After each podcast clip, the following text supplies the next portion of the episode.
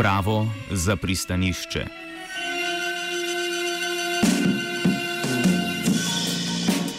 Etiopski predsednik vlade Abi Ahmed je naznanil, da je etiopska vlada pripravljena v celoti sprejeti z mirovnim sporazumom iz leta 2002 sprejeta določila Komisije za določitev meje med državama iz leta 2012, ki sosednji Eritreji dodeljujejo obmejno območje.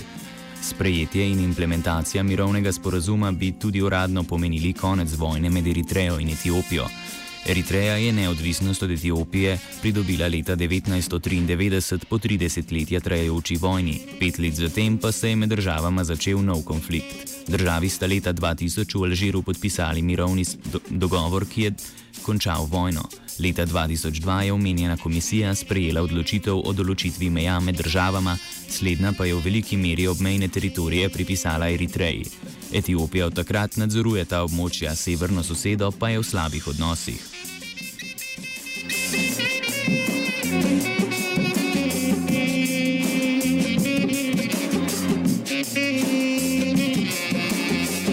Ozadje eritrejsko-etiopske vojne uriše Harry Verhoeven z Univerze Georgetown v Katarju. Essentially, Eritrea has become independent in, in 1993. Indeed, has been under the same government, uh, under the same leader, Isaias Afwerki, um, for the last uh, for the last 20, uh, 27 years now. Now, this government initially had very good relations with Ethiopia because they fought together during the liberation struggle. So they fought against the same government in Ethiopia, and then the new Ethiopian government gave Eritrea its independence. So initially there were very good relations, but those relations worsened uh, considerably in the mid 1990s, ultimately leading to the war, uh, which led to the border dispute that you asked about earlier. And since then, Eritrea has been extremely isolated and extremely um, angry at the world and at Ethiopia for what it sees as abandoning uh, this small country that has had such a difficult history and has lost so many people in the um, in the armed struggle. Eritrejni južni sosedi gospodarsko kaže precej bolje, saj Etiopija beleži najvišjo gospodarsko rast v podsaharski Afriki. Ahmed Soliman z inštituta Chatham House razloži, da se istočasno v Etiopiji zaradi velikih investicij v infrastrukturo pojavljajo tudi finančne težave. Država je pred kratkim naznanila tudi možnost delne privatizacije nekaterih državnih podjetij. Ekonomsko Etiopija je posted some very impressive growth rates. And in fact, I think it, either the one of the international financial institutions uh, rated Ethiopia as again being the fastest growing African economy uh, this year. But uh, that belies. I think a, a, a bit of a, for, a foreign currency uh, crisis, uh, it belies also the fact that the government is investing massively in infrastructure. I think over a billion dollars a year is being pumped into uh, infrastructure, and a lot of that is coming from lending. Um, uh, Ethiopia has uh, made a strategic decision to partner and, uh, with China and, and uh, Chinese uh, companies and state-owned enterprises in their uh, in its own industrial growth, and uh, particularly in the areas of manufacturing uh, and, and, infrastructure building. And this costs a lot, and um, and so I think now that the the economic re- realization of those costs. Uh, and and not being able to, to bring in enough revenue uh, are hitting home, and uh, and so that th- this new government is looking for ways to be able to balance the books better. Um, and that's and that's partly what we're seeing with the you know the, the potential partial privatization of some of the state-owned companies. Etiopija je pred kratkim dobila novega predsednika vlade, 41-letnika 41-letnega Abija Ahmeda. Slednji je pred štirimi meseci nadomestil premijeja Hale Marjama de Salena, ki je z položaja odstopil zaradi protestov v regiji Oromo. Z novim obrazom na čelu stare in nepremagljive koalicije Etiopske ljudske revolucionarne demokratične fronte pa je Etiopija pričela tudi z novo strategijo vzdrževanja medsosedskih odnosov. Novi premijer Abi Ahmed je v luči te nove strategije izrazil pripravljenost Etiopije na spoštovanje določil o etiopsko-eritrejski meji iz leta 2002, razloži Verhoeven. Well, in, in, theory, the Ethiopian government has always said it was willing to accept the Algiers peace agreement. The problem that the Ethiopian government has had is with the implementation of the recommendations of the so-called boundary commission. So there was a commission set up in the peace agreement uh, back in uh, back in Algiers almost 20 years ago that was to look into where exactly the border between Ethiopia and Eritrea was. And Ethiopia thought that the commission hadn't done its work very very well. So that, that really was the was the problem. Now, over the last two to three years, there have been very intense discussions in Addis Ababa among the government, amongst the leading military and security actors about um, rethinking the Eritrea strategy. I mean, Ethiopia is trying to keep Eritrea as isolated as possible since the war. Um, but over the last couple of years, as Eritrea has come out of this regional isolation because it has um, found new allies, new friends in the Gulf, particularly Saudi Arabia and the United Arab Emirates, uh, this forced the Ethiopian government to rethink a strategy that clearly wasn't working, uh, either internationally or for its for its own domestic purposes. And so that's the light in which you should see the announcement that came two days ago uh, after the Politburo meeting of the ruling party in Ethiopia uh, to say that you know we, we need a new Eritrea strategy and perhaps uh, try to find a way of engaging Eritrea rather than only uh, seeking to to confront it. Za Etiopijo najbolj problematični del sporazuma je mesto Badme, poleg njega pa ob eritrejsko-etiopski meji leži še precej mest, ki uradno pripadajo Eritreji, nadzoruje pa jih Etiopija. The town of Badme is probably the most important um, issue of territorial compensation, but there are other issues. So the, the border itself is, is quite long, eh, several hundreds of, of kilometers. Um, and in various points, uh, the Ethiopian government thinks that the uh, Boundary Commission, as I said, made a number of wrong interpretations and wrong decisions. Um, now, the town of Badme is the most important, not only because it's the biggest, but also because an incredible number of people died uh, in the town of Badme, and the town of Badme at the moment is is, um, is Ethiopian territory, at least occupied by Ethiopian soldiers. Uh, so the, it's always been seen for the Ethiopian government as very difficult to give up this, this this contested town because in the eyes of the Ethiopian public, so many thousands of Ethiopians died, and the government was afraid, of course, that if it would give it up, it would be seen to be kind of abandoning the memory of the of the soldiers lost there.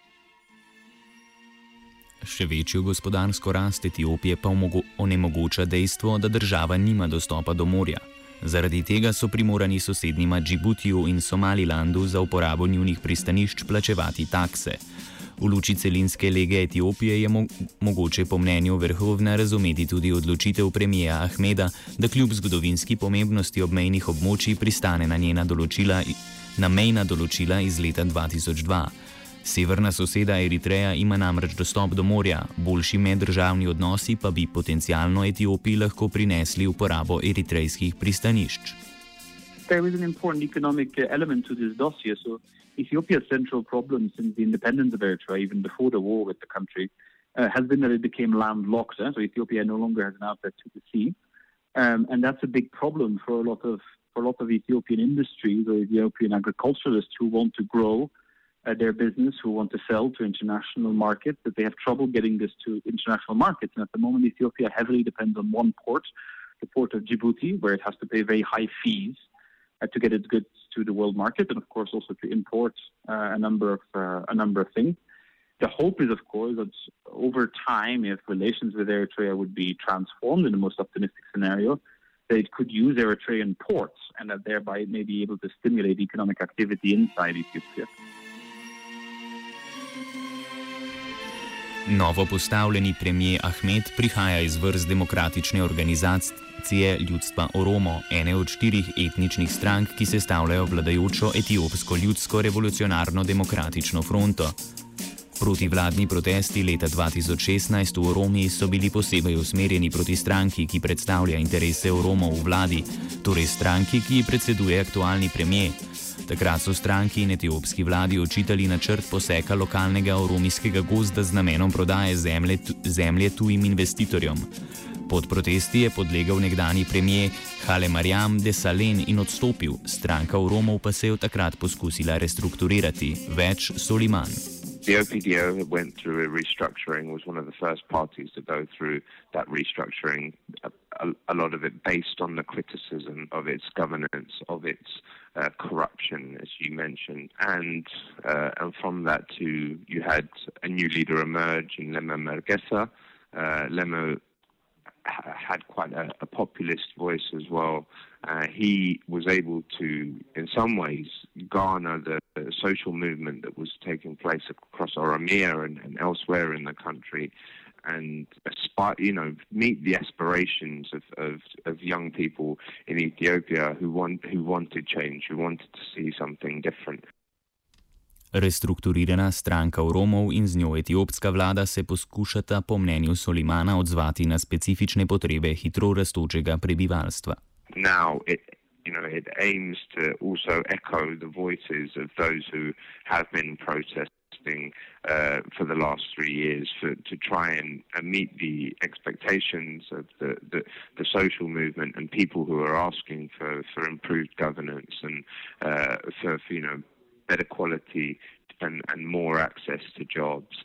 Um, this is these are the kinds of questions that the government now, in, in totality, are going to to have to, to address for, for, for, the future of Ethiopia. It's a you know, massively growing population, 100 million people at the moment. The majority of those are people under the age of 35. You have you know a lot a lot of growth, a lot of positive trajectory, but but also a lot of inequality. Suliman je glede nove vlade optimističen. Kot prvi indikator večje enotnosti in stabilnosti vidi že dejstvo, da je novi premijer odpravil izredne razmere v državi. Verheven pa je glede optimističnih napovedi o demokratizaciji države bolj previden. Of a background that, at least in modern Ethiopian history, has often been uh, marginalized, and it comes from a group that has often suffered from economic and cultural and social and political exclusion. Um, and so, of course, there's a lot of hope that someone like him will bring a new sound, will bring a new new kind of thinking, also because he's somewhat younger and he hasn't been uh, necessarily one of the members of the old guard that used to dominate Ethiopia for the last 25 years. So, in that sense, there's hope um, that there will be some reform. But there again, too, um, I want to caution a little bit um, whether the hope is about the release of many prisoners or a genuine democratization of Ethiopia or economic reform. Um, Abiy does come from the same party and from the same background, and ultimately, the most important thing for him is to keep the party in in power, uh, and he will do whatever it takes to to ensure that that that, that continues. Um, and so, ultimately, whatever policy reforms happen, uh, will have to will have to correspond to that criterion. Offside je pripravila Lana. Oh.